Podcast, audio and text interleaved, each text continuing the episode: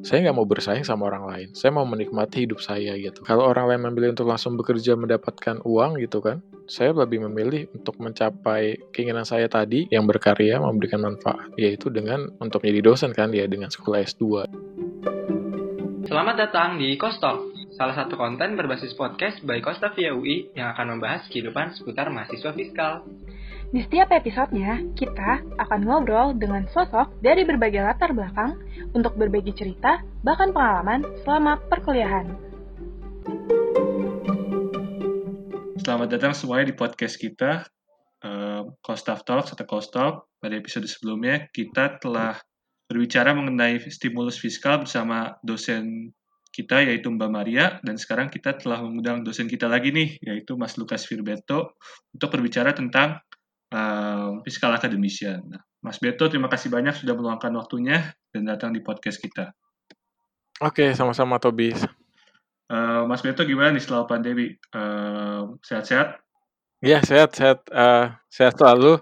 Cuman mungkin ya sama lah seperti teman-teman kan kebanyakan duduk nih ya. Oke. Okay. Jadinya pinggangnya agak cekot-cekot.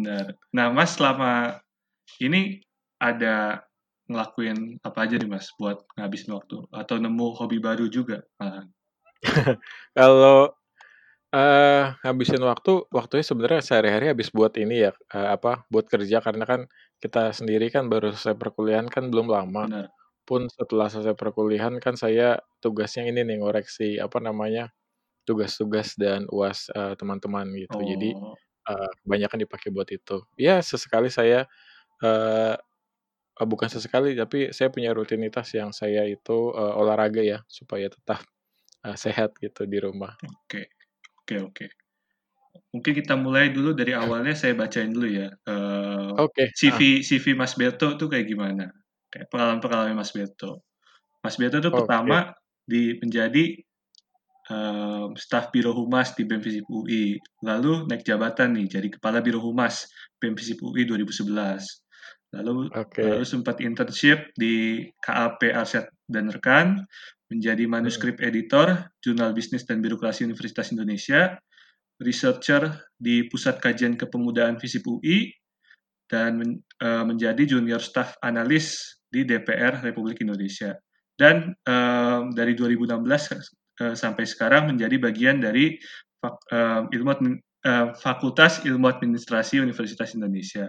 Nah, buat pengalamannya tuh Mas Beto eh, S1-nya di ilmu administrasi fiskal, lalu eh, hmm. mengambil S2 ilmu politik, dan yes. sekarang setelah lulus langsung masuk ke Fakultas Ilmu Administrasi. Dan mungkin untuk pertanyaan pertama saya nih Mas, apa sih yang hmm. membuat Mas uh, memilih jurusan Ilmu Administrasi Fiskal? Oke, jadi, uh, pertama-tama saya sebelum memulai saya ucapkan terima kasih kepada, uh, teman-teman mahasiswa terutama dari Kostaf ya, Ya. yang menyelenggarakan, uh, apa, kegiatan ini. Uh, terima kasih uh, untuk kesempatan yang diberikan ke saya untuk bisa sharing. Semoga dari, uh, sharing saya ini, saya bisa menginspirasi teman-teman, baik di prodi fiskal maupun niaga negara juga untuk bisa menetapkan, apa namanya, karir dan juga mungkin uh, bisa memotivasi teman-teman untuk memilih karir menjadi dosen. Oke, saya mulai dari, uh, pertanyaan pertama ya, mengapa memilih administrasi fiskal. Kalau, uh, pilihan itu sebenarnya ber berdasarkan, uh, studi saya ya di, uh, SMA. Kebetulan saya itu kan dulu, uh, jurusannya IPA. Uh, saya memiliki kelebihan di hitung-hitungan gitu dan saat uh, saat saya mau, uh, pilih jurusan saya hanya meli saya hanya melihat kiranya apa nih, uh, jurusan yang dia itu, ya dasar keilmuannya itu, uh, berhitung gitu. Ya kemudian saat saya coba lihat-lihat, uh, saya rasa fiskal ini, apa ya, ilmunya seputar hitung-hitungan gitu dan kemudian saya, uh, menetapkan, apa ya, menetapkan, uh, pilihan saya untuk masuk di, fiskal. Oke. Nah berarti kan hmm. banyak juga nih Mas ya, kayak saya sendiri kan hmm. dulu juga IPA teman-teman saya juga banyak dari ngambil, pindah ngambil IPS ya, ngambil ini ya teman-teman IPS. Ya. Iya, okay. ngambil IPS. Nah, dan juga tren-trennya tuh biasanya dari anak yang kayak gitu tuh agak kayak nggak betah gitu, pengen tes lagi lah, okay. pengen pindah tahun depannya. Mas Beto pas awal-awal masuk kayak gitu sempat ada ngerasa uh, kayak gitu nggak? Eh, enggak, karena kalau saya sendiri gini ya, uh, apa, uh, saya saya termasuk orang yang percaya dengan takdir gitu bahwa kalau misalkan kita uh, tidak masuk di satu tempat dalam ini hal ini jurusan gitu ya, uh, kemungkinan rezeki kita itu ada di jurusan lain. Jadi kalau misalkan saat saya flashback dulu saya apply itu kan dulu pilihannya tuh ada dua ya, jalur masuknya maksudnya. Jalur masuk UI ada ada, uh, uh, iya ada undangan terus ada ada saya lupa nama tesnya apa, satunya la satunya lagi tuh S S SNMPTN SNMPTN. Jadi sebelum SNMPTN ada yang sifatnya Oh, itu iya. kayak semacam SIMAK gitu, saya agak lupa namanya. Nah, pas SIMAK itu saya pilih, eee, teknik, eee, industri karena saya ya karena karena background-nya IPA, suka hitung-hitungan dan saya, eee, apa, dulu suka dengan, eee, fisika gitu ya. Jadi saya coba peruntungan di teknik industri gitu.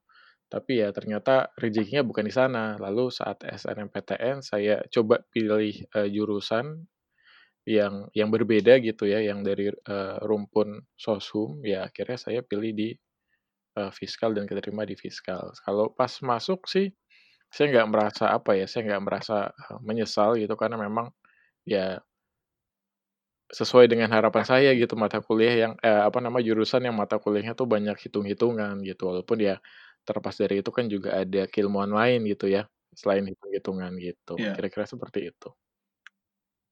Oke, terus yang nggak kalah menariknya nih, Mas, kenapa habis lulus nih langsung milih mau magister di ilmu politik? Kan biasanya kalau anak-anak fiskal tuh kalau misalnya mau ambil S2, palingan ya, eee, fiskal lagi atau pindah ke FEB, Oke. atau mungkin ya mungkin beberapa ada yang ke FH lah kayak gitu, ke Fakultas Hukum. Nah, Mas Beto milih ilmu politik nih, Mas, kenapa, Mas? Iya, jadi memang kalau dilihat dari apa ya, senior-senior saya gitu ya, memang mungkin saya ini yang, eee, jalur keilmuannya itu cukup, eee, berbeda gitu ya. Satu S1-nya fiskal, tapi S2-nya ngambilnya politik gitu. Padahal kan kalau dilihat dari keilmuan tuh kan beda jauh gitu. Nah ini, eee, Iya. berdasarkan, eee, pemahaman saya dari diskusi-diskusi dengan berbagai macam apa namanya, eee, teman-teman gitu, dari eh, berbagai macam teman-teman dari berbagai macam kalangan termasuk juga, eee, senior-senior saya di fiskal itu sendiri gitu. Jadi, eee, alasannya itu lebih ke setelah setelah saya diskusi ya, saya saya menemukan bahwa, eee, permasalahan di, eee, pajak itu nggak seputar hanya di, eee, hitung-hitungannya saja gitu. Tapi bagaimana, Oh. kebijakan itu, eee, apa namanya, dirumuskan gitu kan. Karena kan ya seperti yang, eee, teman-teman ketahui di fiskal itu kan kil apa namanya, eee, akar akarnya kan 2 ya. Jadi yang pertama itu kebijakan, yang kedua itu kan administrasinya gitu. Jadi di di apa namanya, di kedua hal itu, eee, sebenarnya apa namanya, ilmu politik itu bisa bersinggungan gitu. Jadi kalau misalkan, eee, di kelas kita itu belajar mengenai bagaimana perhitungan pajaknya gitu kan, eee, berapa besar tarifnya, berapa besar pajak, eee, terutangnya, bagaimana mekanisme administrasi pembayaran dan seterusnya.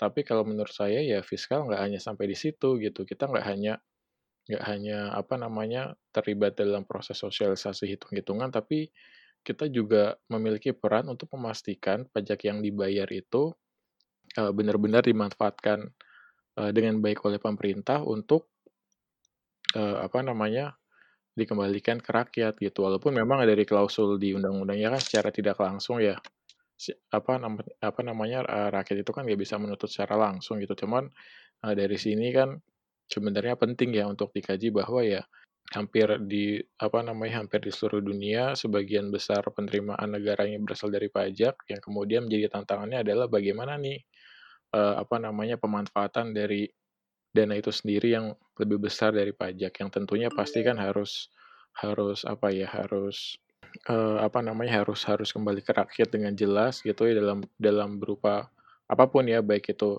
pelayanan publik, pembangunan infrastruktur, pemerataan, dan lain sebagainya. Jadi, nah dari hal itu, eee, berdasarkan apa namanya, pemikiran itu saya mau masuk nih ke ranah politik, karena ya politik itu kan kita mempelajari terkait dengan kepentingan ya.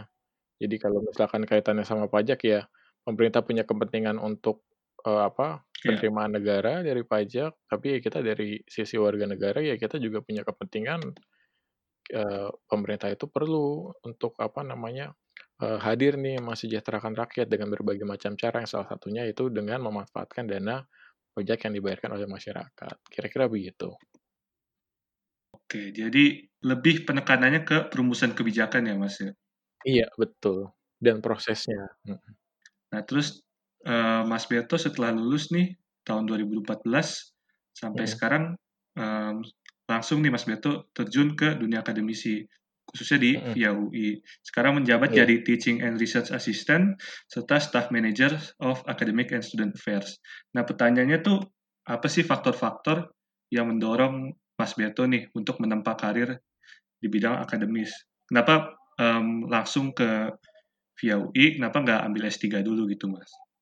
Oke, jadi mungkin untuk uh, bisa menjelaskan ini teman-teman saya ajak untuk ini ya, saya ajak untuk apa namanya, uh, mengikuti perjalanan hidup saya gitu ya mungkin dari dari S1, apa sih yang membuat saya tuh saat ini memilih berkarir di apa dunia akademisi gitu. Iya. Ini berawal dari, uh, saya itu kan dulu SMA di salah satu SMA di Jakarta ya, isinya cowok semua, yang ya hampir hampir dari mungkin 70 persennya itu, uh, main gitu, yang 30 persennya itu lebih ke belajar gitu. Jadi lebih banyak mainnya nih daripada belajarnya. Oke.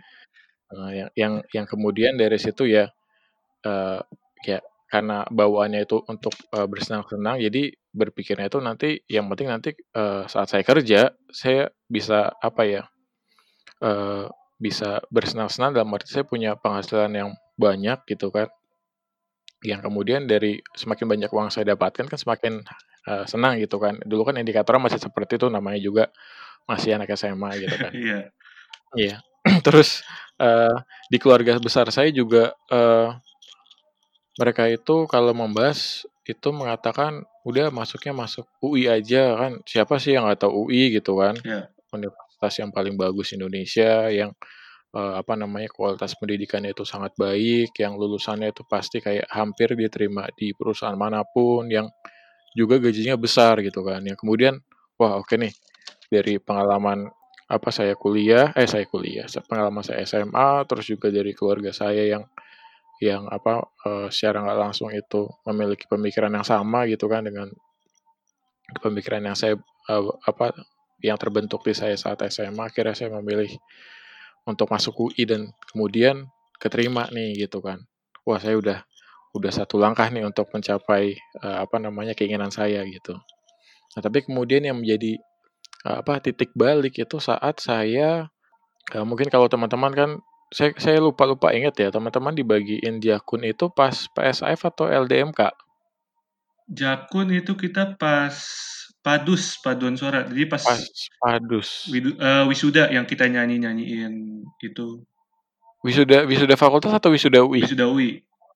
Oh, oke wisuda UI. Jadi kalau dulu saya itu di PSAF berarti kan di level fakultas oh, kan. iya iya. Jadi setelah PSAF itu baru masuk ke OSJUR tuh, ospek jurusan yang kalau di dulu karena karena uh, administrasi masih di FISIP ya kita osjurnya itu LDMK rangkaiannya. Kalau sekarang kan LDMK kan termasuk PSAF kan. Yeah.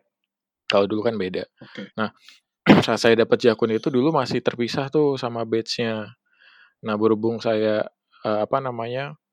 Uh, saat itu kami sedang persiapan LDMK untuk apa namanya membuat buku angkatan gitu kan. Perlu perlu apa perintilan-perintilan itulah yeah. apa prakarya gitu. Yeah, yeah. Kami pergilah ke pasar Majestic salah satu pasar di Jakarta teman-teman kalau yang tinggal Jakarta pasti tahu. tahu. Di situ saya bawa uh, apa namanya jakun saya juga kemudian uh, uh, apa namanya uh, karena saya pikir pasti ada tukang jahit di sana gitu. Jadi selembari saya muter saya jahitin jakun saya gitu batchnya gitu.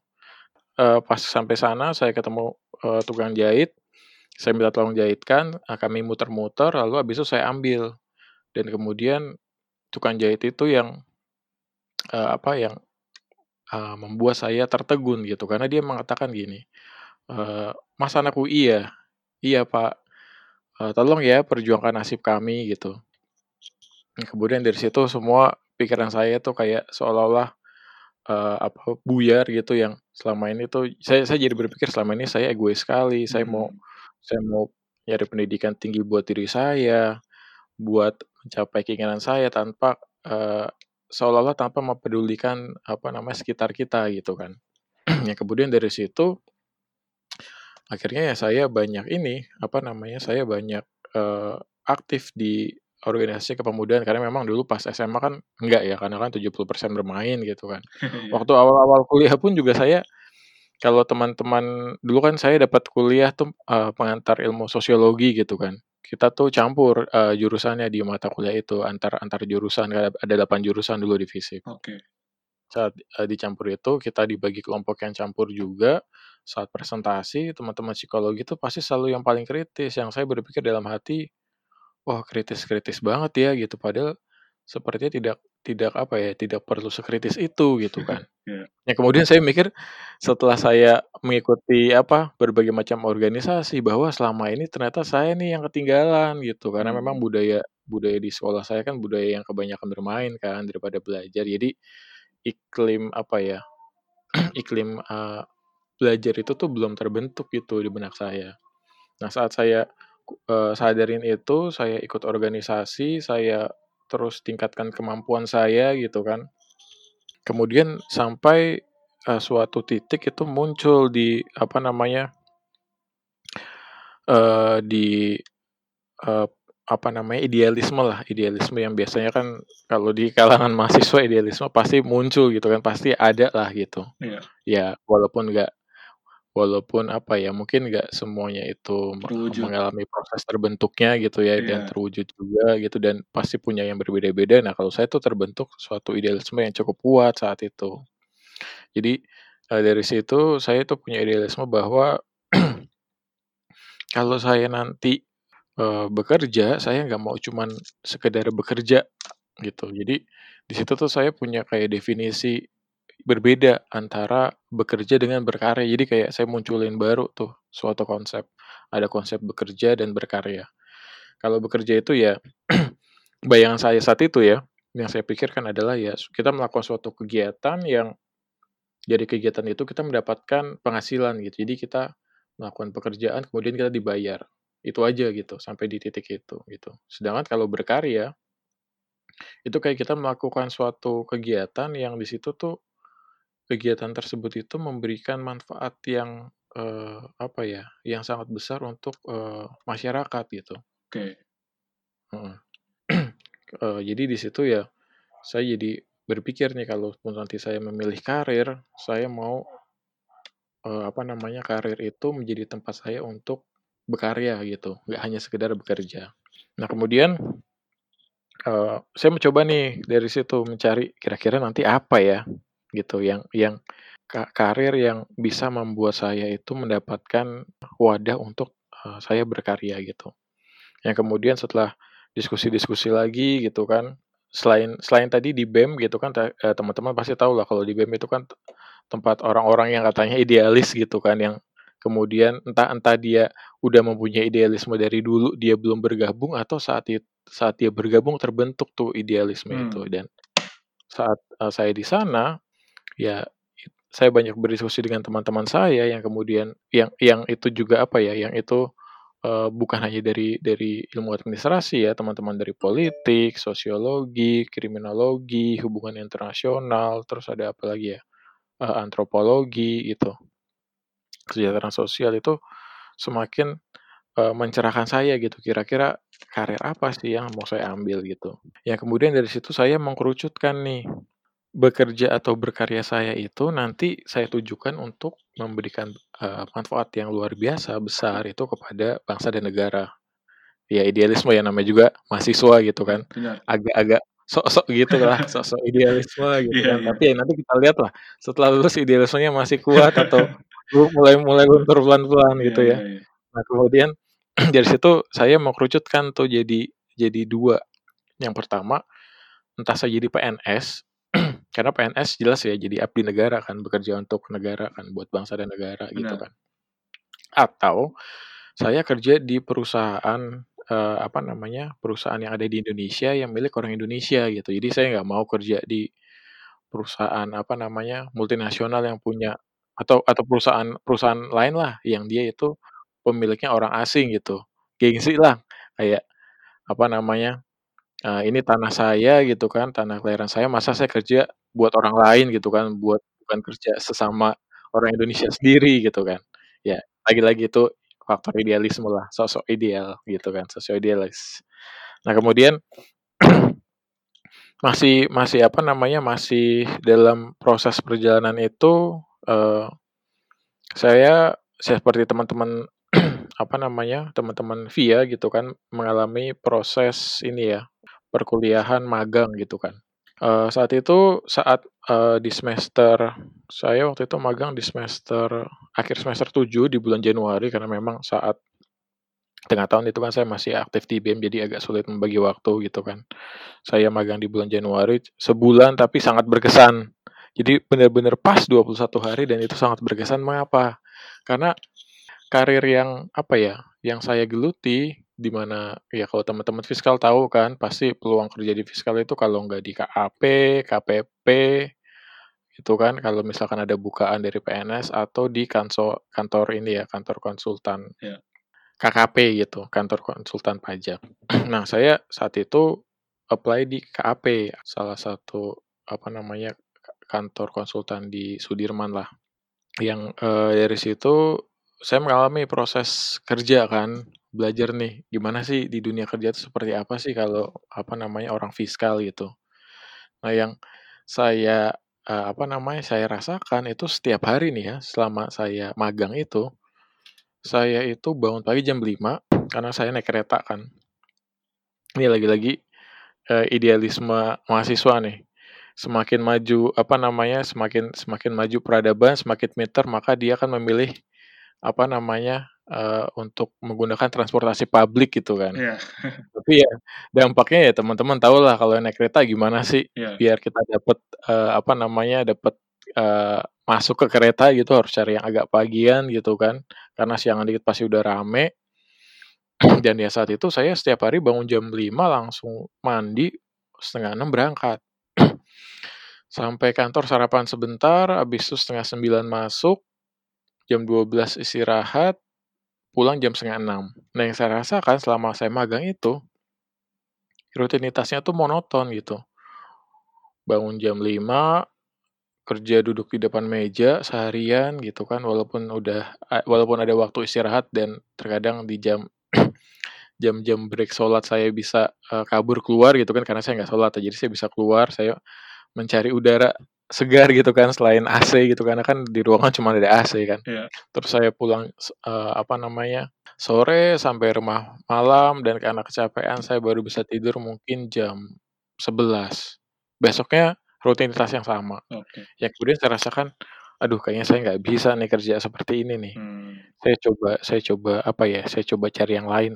Tapi saat saat itu selesai magang saya juga belum belum bisa menemukan kira-kira apa ya karir yang uh, yang apa ya profesi apa yang cocok buat karir saya nih ke depannya gitu. Sampai tiba saat saya mengerjakan skripsi. Waktu itu uh, tema skripsi saya itu tentang bea masuk khususnya di uh, impor sementara gitu. Yang dari situ saya melakukan apa namanya, uh, penelitian itu, uh, saya melakukan penelitian itu di Bali, saya pergi ke Bali karena memang saat penelitiannya itu yang apa ya, yang pas itu di sana karena kan memang terkait skripsi saya itu berhubungan dengan pariwisata, pariwisata paling tinggi itu di Bali, akhirnya saya pergi ke Bali. Dan di situ tuh saya menikmati saat saya berdiskusi dengan orang gitu, saya bisa memberikan insight, nanti saya melakukan penelitian yang hasilnya itu bisa kembali bermanfaat buat mereka walaupun secara tidak langsung ya. Hmm. Dan yang pasti yang paling penting ini saya merasakan bahwa asik juga ya kalau misalkan kita itu kerja sambil jalan-jalan gitu kan. Okay. Jadi di situ tuh akhirnya uh, apa namanya saya uh, bisa uh, apa ya menemukan uh, titik lah titik di mana oke okay, nanti selain tadi saya uh, apa mau uh, berkarya gitu kan. Saya mau cari kerja itu yang bisa jalan-jalan, yang bisa jalan-jalan dan juga uh, dampaknya itu memberikan dampak langsung gitu. Karena kan ya penelitian ya teman-teman mungkin yang sudah apa sedang-sedang mempelajari dan atau sudah ya penelitian kan ada yang sifatnya bisa memberikan dampak langsung, ada yang nanti gitu kan. Yeah. Nah kemudian ya dari situ saya uh, mempelajari nih karir yang kira-kira berhubungan dengan penelitian, karena peneliti pasti dia jalan-jalan tuh. Nah, saya coba mempelajari yang dekat itu, uh, karir seorang dosen gitu kan, karena saat itu saya masih di, uh, masih di kampus gitu, di menjadi mahasiswa semester akhir.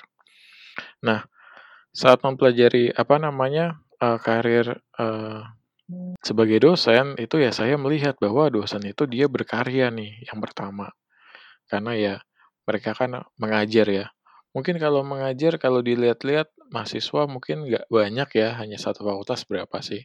Tapi kan nanti multiplier efeknya itu loh yang sebenarnya uh, apa namanya menjadi penting gitu. Bahwa dengan mengajar sekian banyak orang nanti kan dampaknya akan akan apa namanya akan semakin besar gitu, semakin banyak gitu ya orang-orang yang mengerti lah tentang pajak gitu kan.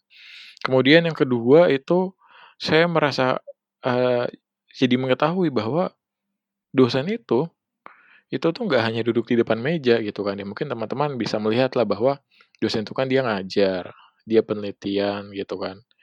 Dia nanti nulis buku dia juga apa namanya publikasi. Dan untuk publikasi itu kan bisa melalui conference. Lagi-lagi kalau conference jalan-jalan kan wah ini seru banget nih udah udah saya banget gitu kan. Iya, iya. dan kemudian yang terakhir nih yang saya dapatkan yang yang apa namanya yang tadi tadi kedua ya? Oh belum belum. Ini masih ketiga nih jadi yang tiga itu bisa kerja sambil jalan-jalan karena berhubungan dengan penelitian dan conference tadi okay. gitu dan yang terakhir itu jam kerja fleksibel ini kan yang pasti apa ya pasti uh, apa di, dicari oleh semua orang gitu kan yang yang jam kerjanya tuh fleksibel lah gitu Di mana dari fleksibilitas jam kerja ini, itu kan kita punya lebih banyak waktu untuk, uh, keluarga, untuk hobi, dan lain sebagainya, gitu. Dan setelah mendapatkan empat hal itu, akhirnya saya, uh, memutuskan, oke, saya, uh, mencoba nih ya, saat itu ya, mencoba untuk memulai dulu karir menjadi dosen, uh, walaupun ya banyak tantangan gitulah, uh, dari dari, uh, berbagai macam sisi gitu yang nanti mungkin kita bisa diskusikan. Tapi mungkin kira kira-kira ya uh, faktor yang mendorong untuk memilih karir menjadi dosen kira-kira dari dari situ ya. Jadi dari perjalanan saya selama mahasiswa, saat saya magang, saat saya uh, menulis skripsi dan di penghujung apa namanya waktu saya menjadi mahasiswa akhirnya saya bisa uh, menemukan nih kira-kira karir yang sesuai dengan uh, keinginan saya itu seperti apa sih gitu. Gitu Tobi. Oke. Berarti kan Mas Beto udah ngejelasin ya faktor-faktornya tuh kayak pokoknya yang paling penting tuh ingin berkarya, ingin uh, memberikan manfaat kepada orang lain. Dan malah Mas Beto, Mas Beto dulu merasa agak egois gitu kan mikirinnya diri sendiri gitu. Mas Beto juga tadi sempat agak ngejelasin tugas-tugasnya sebagai dosen dan akademisi itu apa aja, nggak cuma ngajar dan di belakang media kayak apa mungkin pikiran-pikiran kita tapi bisa juga um, penelitian dan jalan-jalan gitu ya mas ya. Saya juga tertarik nih mas yang tadi mas bilang tuh tentang tantangan nih. Kan tadi disebutin ya kayak hal-hal apa aja yang ngedorong tapi tantangan-tantangan terbesar yang mas Beto pernah hadapin selama ini selama menjadi akademisi itu apa sih mas? Oke, jadi kalau tantangan pasti yang pertama itu ini ya terkait dengan uh, untuk mengajar jadi dosen, itu saat saya lulus, itu keluar peraturan, uh, Menteri Pendidikan bahwa untuk untuk, uh, mengajar S1 itu minimal S2. Berarti kan ibaratnya saya nggak bisa langsung kerja untuk jadi dosen gitu kan. Okay. Saya perlu sekolah dulu. Jadi itu mungkin tantangan yang akan, teman teman-teman, apa namanya, temui saat memilih karir untuk menjadi dosen. Tapi di sini tantangan itu justru kalau teman-teman apa namanya jalankan, teman-teman uh, lakukan gitu ya, itu teman-teman justru bisa justru jadi lebih menikmati apa ya uh, hidup gitu ya. Karena kalau menurut saya gini, hidup itu bukan suatu saingan gitu ya, suatu persaingan ya. Karena sering kali kita tuh membandingkan, uh, oh saya sama teman saya misalkan seangkatan ya, itu kerjanya tuh di mana sih gitu kan uh, dia kerjanya di mana, semakin bagus perusahaannya, maka kayak ibaratnya derajat sosial semakin tinggi kan, semakin Insecure besar gitu gaji ya, semakin besar apa namanya, ah, semakin, uh, besar gajinya gitu kan, ternyata, uh, hidupnya tuh kayak mungkin merasa semakin semakin bahagia lah gitu kan. Tapi, ya untuk menjadi seorang, apa namanya, akademisi itu ya balik lagi ya, terkait dengan pemikiran yang idealis itu, uh, nggak bisa langsung didapat gitu, karena kita harus berjuang dulu nih menempuh pendidikan S2 yang kemudian baru nanti kita bisa merasakan semua itu setelah kita lulus S2 gitu. Nah, cuman terkait dengan tadi, uh, berhubungan dengan ini ya, hidup itu bukan persaingan, saya ma lebih mengartikan hidup ini sebagai suatu perjalanan ya, adventure gitu loh, petualangan. Di mana ya, saya nggak mau bersaing sama orang lain, saya mau menikmati hidup saya gitu. Yang, uh, kalau orang lain memilih untuk langsung bekerja mendapatkan uang gitu kan, saya lebih memilih untuk mencapai keinginan saya tadi gitu kan, yang berkarya, memberikan manfaat dengan ya, ini dulu, saya meningkatkan kemampuan saya dulu. Yaitu dengan untuk menjadi dosen kan ya, dengan sekolah S2 gitu. Nah buat nanti teman-teman yang memilih misalkan nih berkarya untuk menjadi dosen, sekarang tuh, uh, apa namanya, walaupun walaupun tadi tantangannya berat gitu ya, harus sekolah S2 tapi sudah banyak ini kok, sudah banyak apa, jalan gitu. Beasiswa banyak dan bahkan teman-teman bisa, apa namanya, ambil sekolah di luar negeri. Kalau teman-teman bayangkan nih, uh, sekolah di luar negeri itu ilmu yang kalian dapat itu akan sangat banyak sekali, di samping ilmu pajak sendiri kalau misalkan teman-teman ambil bidang pajak ya, atau di ilmu lain lah, misalkan niaga atau negara gitu, ambil apa namanya, jurusan sesuai dengan ilmu dia, dia akan mendapatkan banyak sekali pengalaman dari, uh, proses, uh, selama dia kuliah di luar negeri, gitu. Apalagi kalau kalian memilih kuliahnya itu di negara maju, gitu. Banyak sekali ilmu yang bisa, uh, teman-teman bawa, gitu. Jadi, terkait dengan tantangan itu ada dua ya, yang pertama mungkin secara garis besar itu harus langsung S2, dan kemudian nanti achievement-nya itu, uh, apa namanya, hasil kerja keras itu baru bisa teman-teman dapatkan itu nanti setelah S2, gitu. Mungkin, uh, berbeda dengan, apa namanya, teman-teman kalian gitu ya, atau misalkan saya kalau dalam dalam apa ya, pribadi saya beda dengan teman-teman yang teman-teman seumuran saya gitu, seangkatan saya memilih untuk terjun bekerja langsung di, uh, perusahaan gitu. Jadi, walaupun ada tantangan dan tantangannya cukup berat, tapi selalu ada jalan gitu. Sebagaimana kan kita tahu ya, uh, suatu quotes gitu ya, istilahnya tuh there is a uh, there is a will, there is a way. Tapi kalau buat saya, uh, saya lebih dalamkan lagi, there is a good will, there is so much way, gitu. Jadi kira-kira seperti itu, uh, tantangan di dunia akademisi.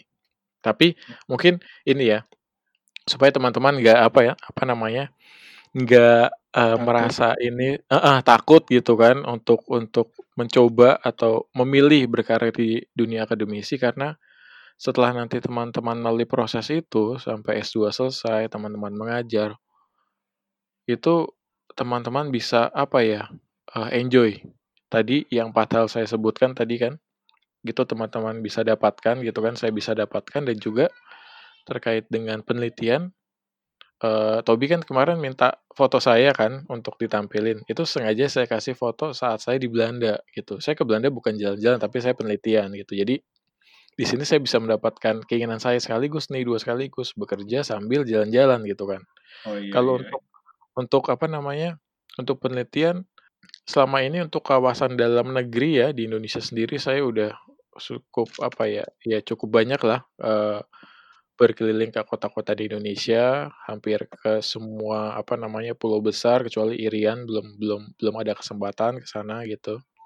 Tapi kalau untuk penelitian saya udah pernah ke Singapura, saya pernah ke Thailand 2 kali, saya pernah ke Korea Selatan, saya pernah ke Belanda, kalau conference saya pernah ke Malaysia gitu. Jadi, walaupun tantangannya berat tapi nanti hasilnya gitu yang teman-teman dapat gitu, buah yang teman-teman petik dari yang teman-teman tanam gitu selama teman-teman menggeluti gitu ya, menapaki karir menjadi dosen itu, hasilnya akan luar biasa indah, gitu Tobi. Oke, berarti kita sudah bahas apa latar belakangnya Mas Beto terjun ke dunia akademis akademisi, um, lalu juga tantangan-tantangannya nih dari yang muncul selama Mas Beto menjadi akademisi. Nah, kita juga pengen tahu nih Mas, ada gak sih sosok inspirasi Mas uh, buat Mas Beto sendiri, khususnya di bidang akademisi? Oke, Kalau sosok inspirasi pastinya ya, uh, apa namanya, dosen-dosen senior saya itu pasti menginspirasi kan, karena kan saya juga akhirnya, uh, apa namanya, menapaki karir menjadi dosen kan karena proses diskusi dengan beliau-beliau gitu. Baik, uh, apa namanya, uh, senior-senior saya yang sudah bergelar, apa namanya, uh, profesor, bergelar, uh, doktor, atau saat saya masih S1 dulu sudah bergelar magister itu uh, apa namanya, uh, saya minta waktunya untuk berdiskusi. Jadi kalau dibilang, uh, tadi siapa nama apa namanya istilahnya? Inspirasi. Inspirasi, ya senior-senior saya yang menginspirasi saya gitu. Tapi mungkin kalau dilihat orang yang paling utama menginspirasi saya itu adalah, uh, almarhum B.J. Habibie ya. Jadi, okay. uh, saat saya apa namanya, saat saya, uh, kuliah satu dulu, saya mengidolakan beliau karena beliau merupakan seorang, uh, apa namanya uh, cendekiawan ya, akademisi ya, yang dia itu bergabung di pemerintahan, memberikan insight yang luar biasa, yang di situ ya itulah, itu itu itu apa namanya, peran peran, uh, salah satu peran penting dari seorang akademisi yaitu terlibat langsung nih dalam apa namanya, pembangunan negara gitu. Oke. Nah, tadi Mas Beto kan sempat singgung nih tentang um, dosen-dosen dan senior-senior. Kita juga pengen tahu nih Mas, dikit aja. Ini kan Mas Beto um, sekarang termasuk di grup dosen ilmu administrasi fiskal um, UI ya. Dan ini iya. juga grup yang kayak bukan sembarang orang yang bisa masuk gitu kan. Tahu saya cuma sekitar 15 orang apa yang menjadi dosen yes, kita. betul. Nah, itu itu kan ada figur-figur prominent nih Mas yang sudah lama banget hmm. berkecimpung. Mas Beto tuh ketika merasa ketika menjadi bagian dari itu Mas Beto um, ngelihat nih uh, figur-figur tersebut Mas Beto perasaannya apa sih Mas? Apakah ada minder, bangga atau gimana Mas? Kalau kalau minder jelas-jelas saat awal saya bergabung di dunia akademisi gitu ya saya kan awalnya kan terlibat di penelitian uh, dosen senior ya, salah satu dosen senior gitu. Yang dari situ uh, saat itu beliau sudah bergelar uh, doktor gitu, yang awal-awal saya membantu pasti sangat minder karena kan ya saat masih baru lulus, kalau misalkan hasil analisis saya dibandingkan dengan hasil analisis beliau pasti kan beda jauh kan gitu. Cuman ya di situ uh, saya dapatkan bahwa ya uh, sebagai seorang dosen itu kita harus terus meningkatkan kemampuan gitu kan. Nggak cukup dengan misalkan hanya S2, tapi kan dosen tuh terus mengalami proses pembelajaran S3 gitu kan. Setelah S2, S3. Nanti setelah S3 mengalami terus apa namanya terus belajar, meningkatkan kemampuan, meningkatkan uh, karya-karya kan baik buku, jurnal, terus uh, mengajar sampai akhirnya nanti bisa mendapatkan uh, gelar tertinggi di bidang apa namanya pendidikan yaitu gelar profesor gitu. Jadi kalau dibilang minder iya, tapi di satu sisi itu jadi memacu semangat saya bahwa untuk bisa memberikan apa namanya kebermanfaatan yang lebih besar gitu. Saya harus terus meningkatkan apa kemampuan saya gitu, pendidikan saya untuk bisa uh, mencapai apa atau meraih kesuksesan gitu. Yang menurut saya kesuksesan itu ya semakin besar uh, apa namanya dampak positif gitu ya yang saya berikan dari hasil uh, saya berkarya. Kira-kira seperti itu. Oke, berarti ada merasa minder, tapi mindernya malah mendorong Mas Beto supaya menjadi lebih baik. Yes. Iya, betul Oke. sekali. Next, mungkin ini pertanyaan yang kita juga pengen tahu nih, Mas. Um, seperti kita ketahui kan perpajakan di Indonesia kan masih belum baik ya, dan masih banyak yang masih harus kita benahin. Nah, dari pandangan Mas Beto nih, masalah-masalah yang paling urgent dan paling terbesar di Indonesia khususnya dalam bidang perpajakan itu apa sih Mas dan bagaimana uh, Mas Beto sendiri sebagai seorang akademisi uh, mencari solusinya? Oke, kalau permasalahan ya jelas ya karena kan ya maksudnya jelas tuh gini kalau teman-teman tadi uh, kalau tadi Tobi sampaikan ya masalah pajak ya seputar itu ya tidak jauh dari kebijakan gitu kan dan juga uh, tidak jauh dari uh, apa namanya uh, administrasi perpajakannya gitu. Kalau dari sisi kebijakan, terkadang ditemukan beberapa ketidaksesuaian antara konsep dengan implementasi gitu karena kan yang namanya konsep pajak yang kita pelajari uh, atau teman-teman pelajari di kelas itu kan konsep yang sudah ini ya, yang sudah firm gitu. Tapi yang kemudian menjadi masalah apabila konsep itu yang kemudian diturunkan dalam kebijakan itu tidak tepat saat diturunkan. Yang kemudian muncul berbagai macam permasalahan. Di sisi lain juga dari sisi administrasi ya, sistem perpajakannya juga kan ya kita masih sangat ini ya, masih sangat apa namanya? Oh, bukan masih sangat ya, kita kita belum belum advance lah, kita belum advance karena ya kita masih dalam proses transisi nih reformasi perpajakan uh, jilid 2 gitu kan. Di mana sekarang kita mau masuk ke era apa namanya uh, big data gitu kan di era disrupsi 4.0 ini gitu. Ini yang kemudian menjadi salah satu tantangan yang cukup besar dari dua hal tersebut yang kita bisa, kita bisa untuk melalui itu tapi ya perlu peran akademisi gitu karena kalau melihat kalau melihat apa namanya uh, keilmuan ah, jurusan ya, jurusan yang belajar tentang perpajakan di level S1 kan cuman dua ya di UI dan Universitas Brawijaya gitu. Yang pasti ini kan masih sangat sedikit gitu kan. Dan kemudian yang kedua, tadi kan Tobi menyampaikan bahwa dosen di fiskal itu masih sedikit itu benar adanya gitu bahwa dosen di fiskal itu di fiskal UI ya itu hanya ada 15 gitu yang kemudian di sini kan jadi tanggung jawab moral lah sebagai seorang mahasiswa saya gitu ya dan kemudian ini kan juga menjadi tanggung jawab moral teman-teman juga nih yang berkecimpung di ilmu perpajakan untuk turut berkontribusi. Nanti misalkan uh, ada yang apa namanya uh, berkeinginan gitu atau terpanggil dijalankan saja gitu. Di panggilan itu tuh dijawab untuk menjadi dosen di fiskal untuk menambah apa namanya menambah kekuatan di fiskal untuk memberikan uh, pencerdasan di bidang perpajakan itu lebih luas lagi. Karena ya sebagaimana kita ketahui bahwa uh, kalau berdasarkan data ya tingkat kepatuhan masih rendah yang secara tidak langsung disebabkan dari pemahaman pajak yang masih rendah juga di level masyarakat dan ini kan jadi relevan karena memang pendidikan pajak itu kan belum masif gitu ya baru di level universitas saya saya kurang tahu kalau di SMA sekarang tapi saat saya dulu SMA saya jelas nggak dapat akuntansi ya, mungkin yang berhubungan dengan pajak kan biasa di akuntansi nih ya, kalau misalkan dulu karena nggak ada ilmu spesifik tentang pajak. Oh mungkin ekonomi ya? Mungkin ada sedikit bahasan, tapi kalau saya dulu sih inget-inget di SMP, saya nggak pernah ada bahasan tentang pajak deh seingat saya, gitu. Jadi, nah ini nih, ini yang menjadi penting bahwa pajak itu sebenarnya ilmu yang tidak cukup untuk dipelajari mulai dari level universitas, tapi sebenarnya perlu dari level uh, apa namanya, bahkan misalkan SD gitu untuk menemukan kesadaran, nanti bisa mulai diperkenalkan di SMP dan juga SMA. Kira-kira begitu, Tobi. Jadi gitu ya, Mas, menurut Mas dalam masalah-masalah yang paling urgent di Indonesia. Nah, sekarang mm -hmm. mungkin kita bisa shift nih fokusnya ke anak-anak fiskal sendiri yang sekarang. Saya pernah baca nih, Mas, kan Mm. Fiskal ini didirikan tahun 1981 dan merupakan okay.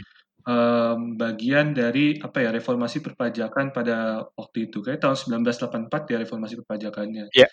Uh, mm. Yang tujuannya itu buat uh, mencetak tenaga-tenaga yang terdidik khususnya di bidang perpajakan.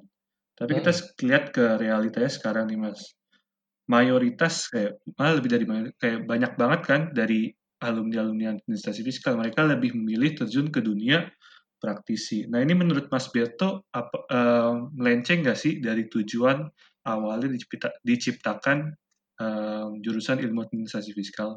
Oke, okay.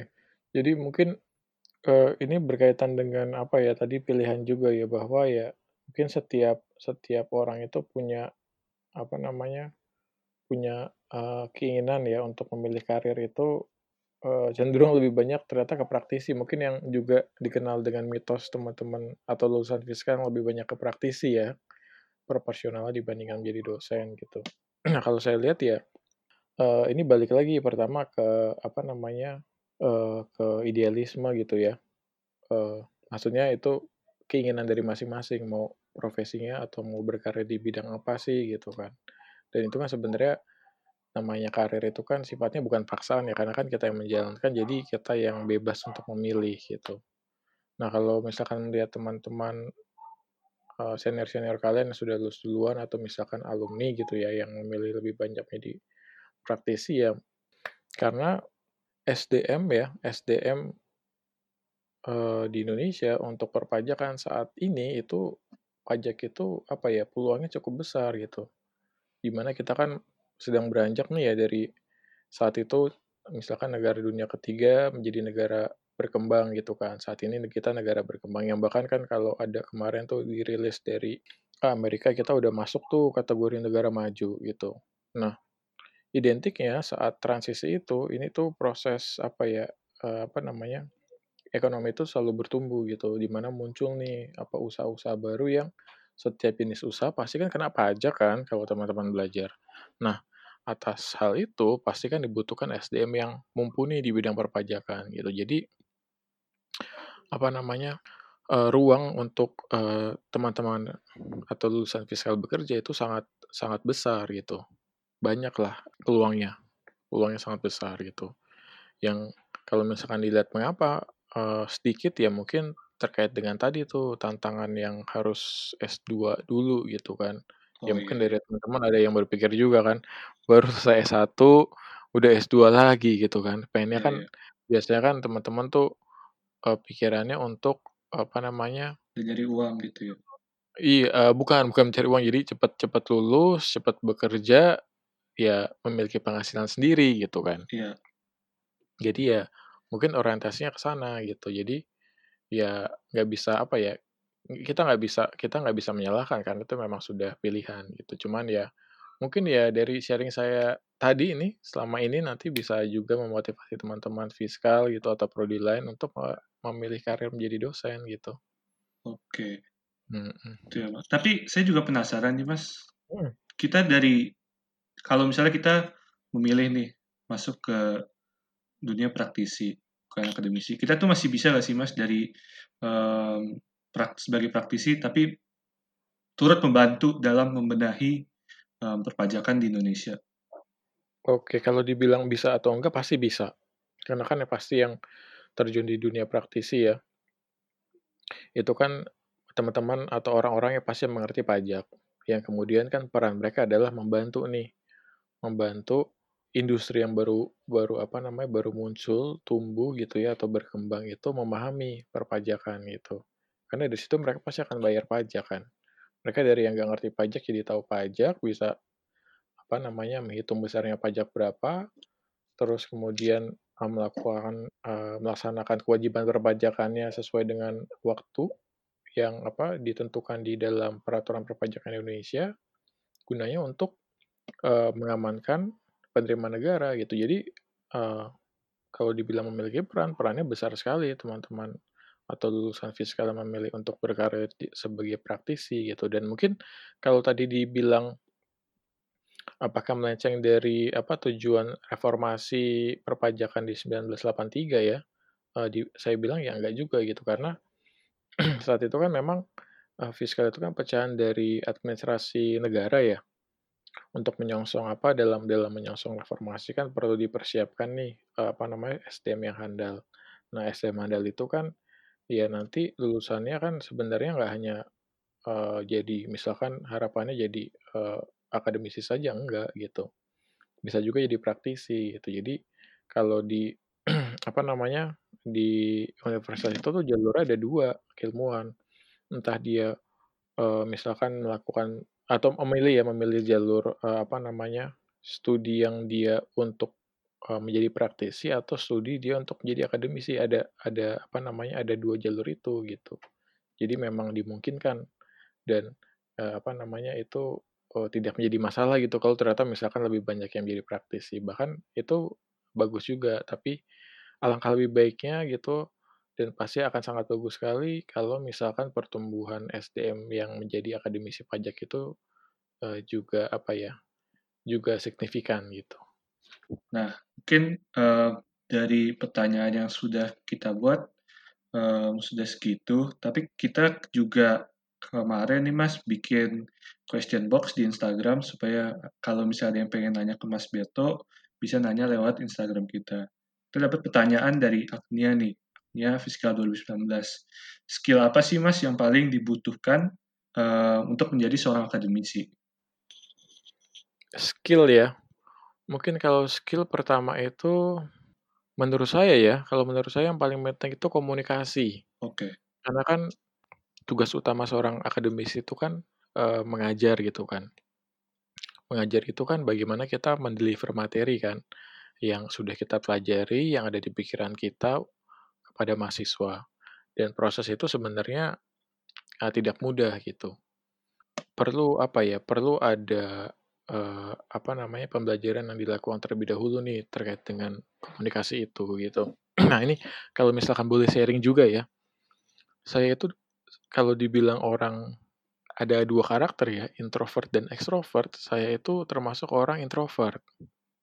Saya tuh dulu nggak akan apa ya, nggak akan mulai ngomong kalau nggak diajak orang ngomong duluan gitu. Jadi Nunggu dulu dari, ya? Betul, kalau jadi kalau dari sisi komunikasi kan ya, Tobi bisa bayangkan lah ya, Iya iya. Uh, saya itu komunikasi sangat terbatas gitu. okay. Tapi balik lagi tadi, there is a good will, there is a better way gitu kan, dan banyak jalan. Yang kemudian secara nggak langsung, saya tuh seperti di di apa ya, uh, mengalami proses pembelajaran itu tuh kayak udah jalan jalannya aja gitu ya. Saya masuk ke humas, di mana humas itu melatih komunikasi gitu kan. Ya, ya. Itu saya dua tahun kan di humas. Oke. Kemudian saya juga, nah dulu saya sempat mau masuk RTC. Tobi tahu RTC? Radio ya?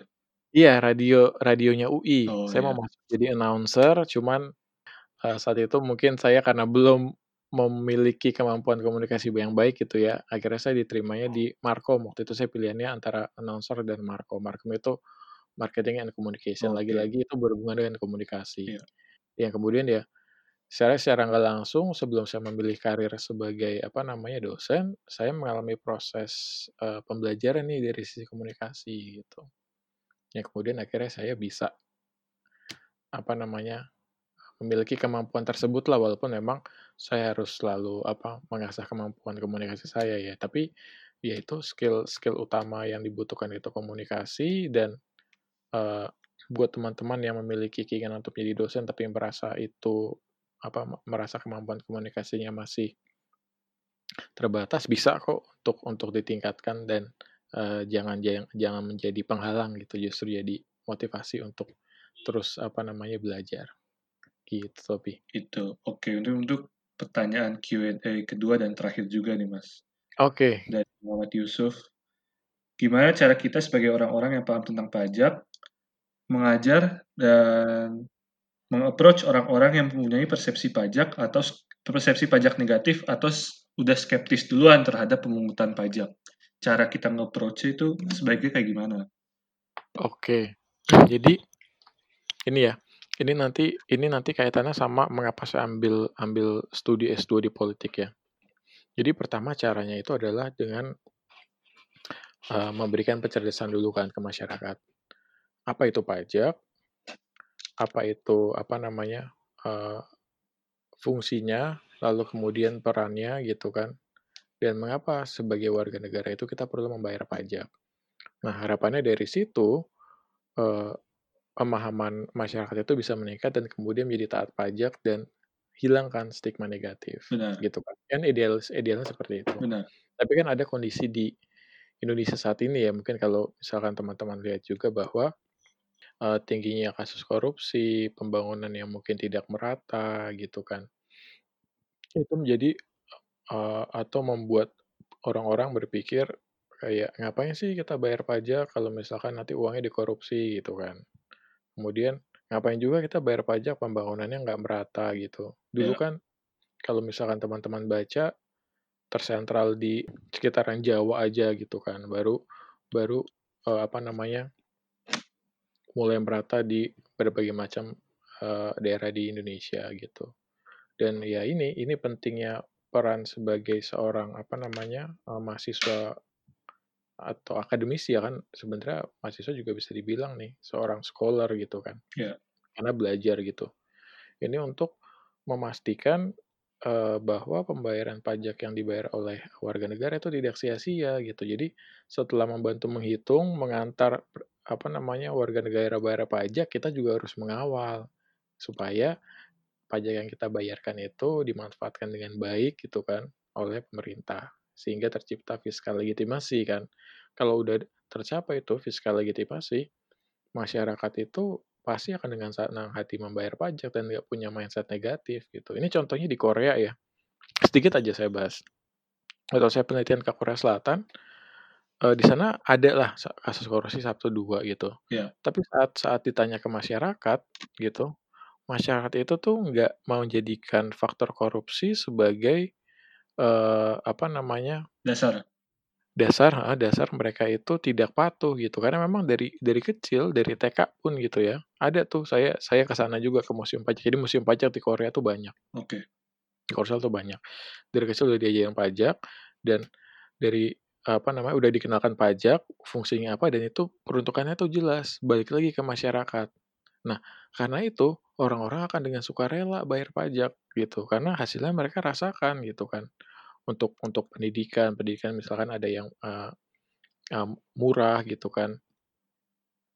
Lalu untuk kesehatan juga gitu. Jadi jadi jelas nih. Nah, ini nih yang perlu perlu kita lakukan gitu kita mengawal penggunaan apa namanya anggaran yang sebagian besar ya 70% lebih itu berasal dari pajak untuk balik lagi nih dirasakan manfaatnya oleh masyarakat. Nah, harapannya setelah itu terjadi, pandangan negatif terkait pajak itu bisa hilang lah dari uh, masyarakat. Gitu. Oke, jadi kita harus mengawal ya Mas supaya masyarakat itu merasakan manfaatnya sehingga stigma negatifnya bakal berkurang. Yes. Oke, Mas. Ini untuk terakhir nih, Mas nih. Pertanyaan terakhir untuk closing statement lah istilahnya. Apa pesan Mas Beto nih buat anak-anak fiskal terutama kan kita sekarang lagi apa ya masa pandemi gitu distance learning di di mana kayak ini kan bukan gaya belajarnya setiap orang. Ada yang lebih ada yang nggak bisa belajar distance learning. Bisanya belajar tuh ya langsung sama teman-temannya. Ada yang okay. lagi senang-senang kuliah tapi ini ternyata satu satu setengah semester gitu bakalan tetap di rumah. 2000 yang 2017 mereka kan um, kesulitan misalnya untuk magang dan juga memulai skripsi. Yang 2016 hmm. mereka apa ya wisudanya mungkin kayak kan dah bayang-bayang ini wisudanya eh ternyata wisudanya di rumah nah Mas Beto ada gak pesan-pesan buat anak-anak visual nih Mas terutama supaya kita tetap semangat gitu di okay. masa pandemi ini kalau pesan saya sih yang pertama yang pasti ya bersyukur karena tidak banyak pemuda-pemudi Indonesia yang bisa mengenyam pendidikan tinggi sampai level universitas dan ini universitas Indonesia loh. Jadi yeah. pertama-tama teman-teman harus bersyukur.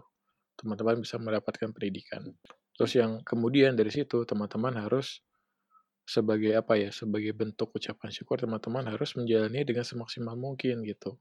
Karena di era pandemi ini kan ya bisa dilihat ya banyak mungkin aktivitas belajar mengajar yang kemudian menjadi tidak berjalan gitu. Nah, di iya. sini kan teman-teman memiliki, uh, apa namanya, kemampuan gitu kan, infrastruktur juga disediakan oleh, uh, universitas untuk bisa tetap belajar walaupun dengan mekanisme online gitu. Ya, uh, kita lah bahwa ini kan masa masa yang baru gitu ya, kita belajar full dengan daring nih. Kalau dulu kan mungkin di beberapa mata kuliah dan nggak di setiap sesinya, tapi kan saat ini kan hampir di semua mata kuliah ya, semua yeah. mata kuliah dan di semua sesi itu setelah setelah bulan Maret itu kita online gitu ya. Pasti pasti banyak kekurangannya dari sisi infrastruktur dan lain sebagainya, tapi ya ini jalan satu-satunya supaya proses pembelajaran belajar mengajar ini tetap bisa berjalan gitu. Jadi teman-teman jalani dengan baik eh, saat apa namanya ada kendala disampaikan ke pihak uh, pengelola, baik itu misalkan fakultas ya, yang bisa ditangani oleh fakultas atau di level universitas, yang itu misalkan ditangani di level universitas supaya proses pembelajaran semakin maksimal gitu. Itu itu pesan buat ini ya, pesan buat teman-teman yang saat ini sedang mengalami proses ini. Jadi di apa namanya disyukuri, uh, enjoy, dinikmati gitu. Karena ya umum ya biasanya kan kalau teman-teman yang mungkin kalau misalkan kuliah kayak rasanya tuh males nih ke kampus gitu. Maunya di rumah, maunya libur, tapi giliran kayak gini maunya ke kampus gitu. Jadi ya memang kadang ya. itu membingungkan gitu kan. Iya, tapi ya iya, ini iya. ini dinamika lah, makanya tadi saya katakan penting untuk uh, selalu bersyukur gitu. Kalau pesan saya ya untuk teman-teman sekali ya, untuk uh, juga memotivasi nih teman-teman untuk bisa memilih karir menjadi dosen gitu bahwa dosen itu atau pengajar ya, dosen kan pengajar juga ya. Iya. Itu satu-satunya profesi yang mengajar profesi lain.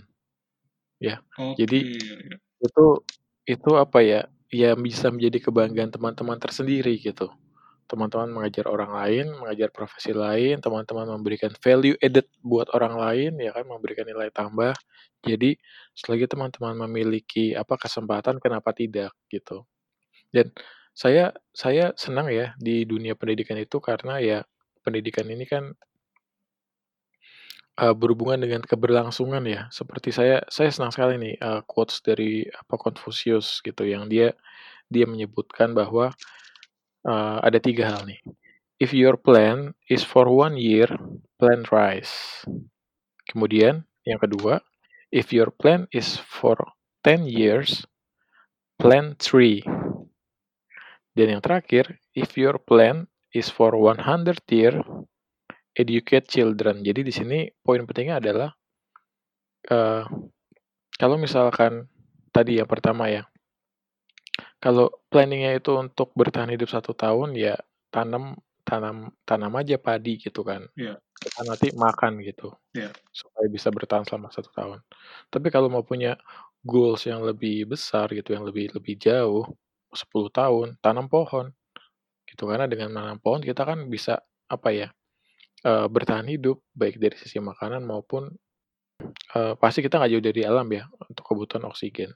Tapi kalau kita mau planning untuk 100 tahun dan bahkan lebih, itu penting untuk memberikan edukasi kepada anak-anak gitu ya, baik di semua level ya, dari kecil sampai level universitas itu. Jadi, untuk teman-teman yang memiliki panggilan, tertarik buat menjadi dosen, jangan ragu, coba, uh, dijawab panggilannya, dijalankan dulu, dinikmati, ya, uh, tantangannya dihadapi, pasti hasil akhirnya tuh indah lah, tadi yang seperti udah saya ceritakan gitu. Gitu, Tobi. Oke, makasih banyak Mas Beto. Oh, gak kerasa udah satu jam lebih ya kita ngobrol-ngobrol tentang akademisi dan terutama akademisi di bidang fiskal. Saya yakin sih Mas ini dengan kita bicara kayak gini banyak akan menginspirasi um, anak-anak fiskal yang masih bingung gitu kan, masih galau mau masuk apa, Iya. mungkin bisa dibujuk untuk masuk ke terjun ke dunia akademisi. Nah, Mas Beto sekali lagi terima kasih banyak ya Mas Beto atas waktunya. Oke, Tobi. Uh, sampai kita udahin dulu sampai saat ini. Uh, sampai jumpa di episode kita berikutnya. Terima kasih. Oke, terima kasih Tobi dan teman-teman Kosaf untuk kesempatannya. Selamat malam.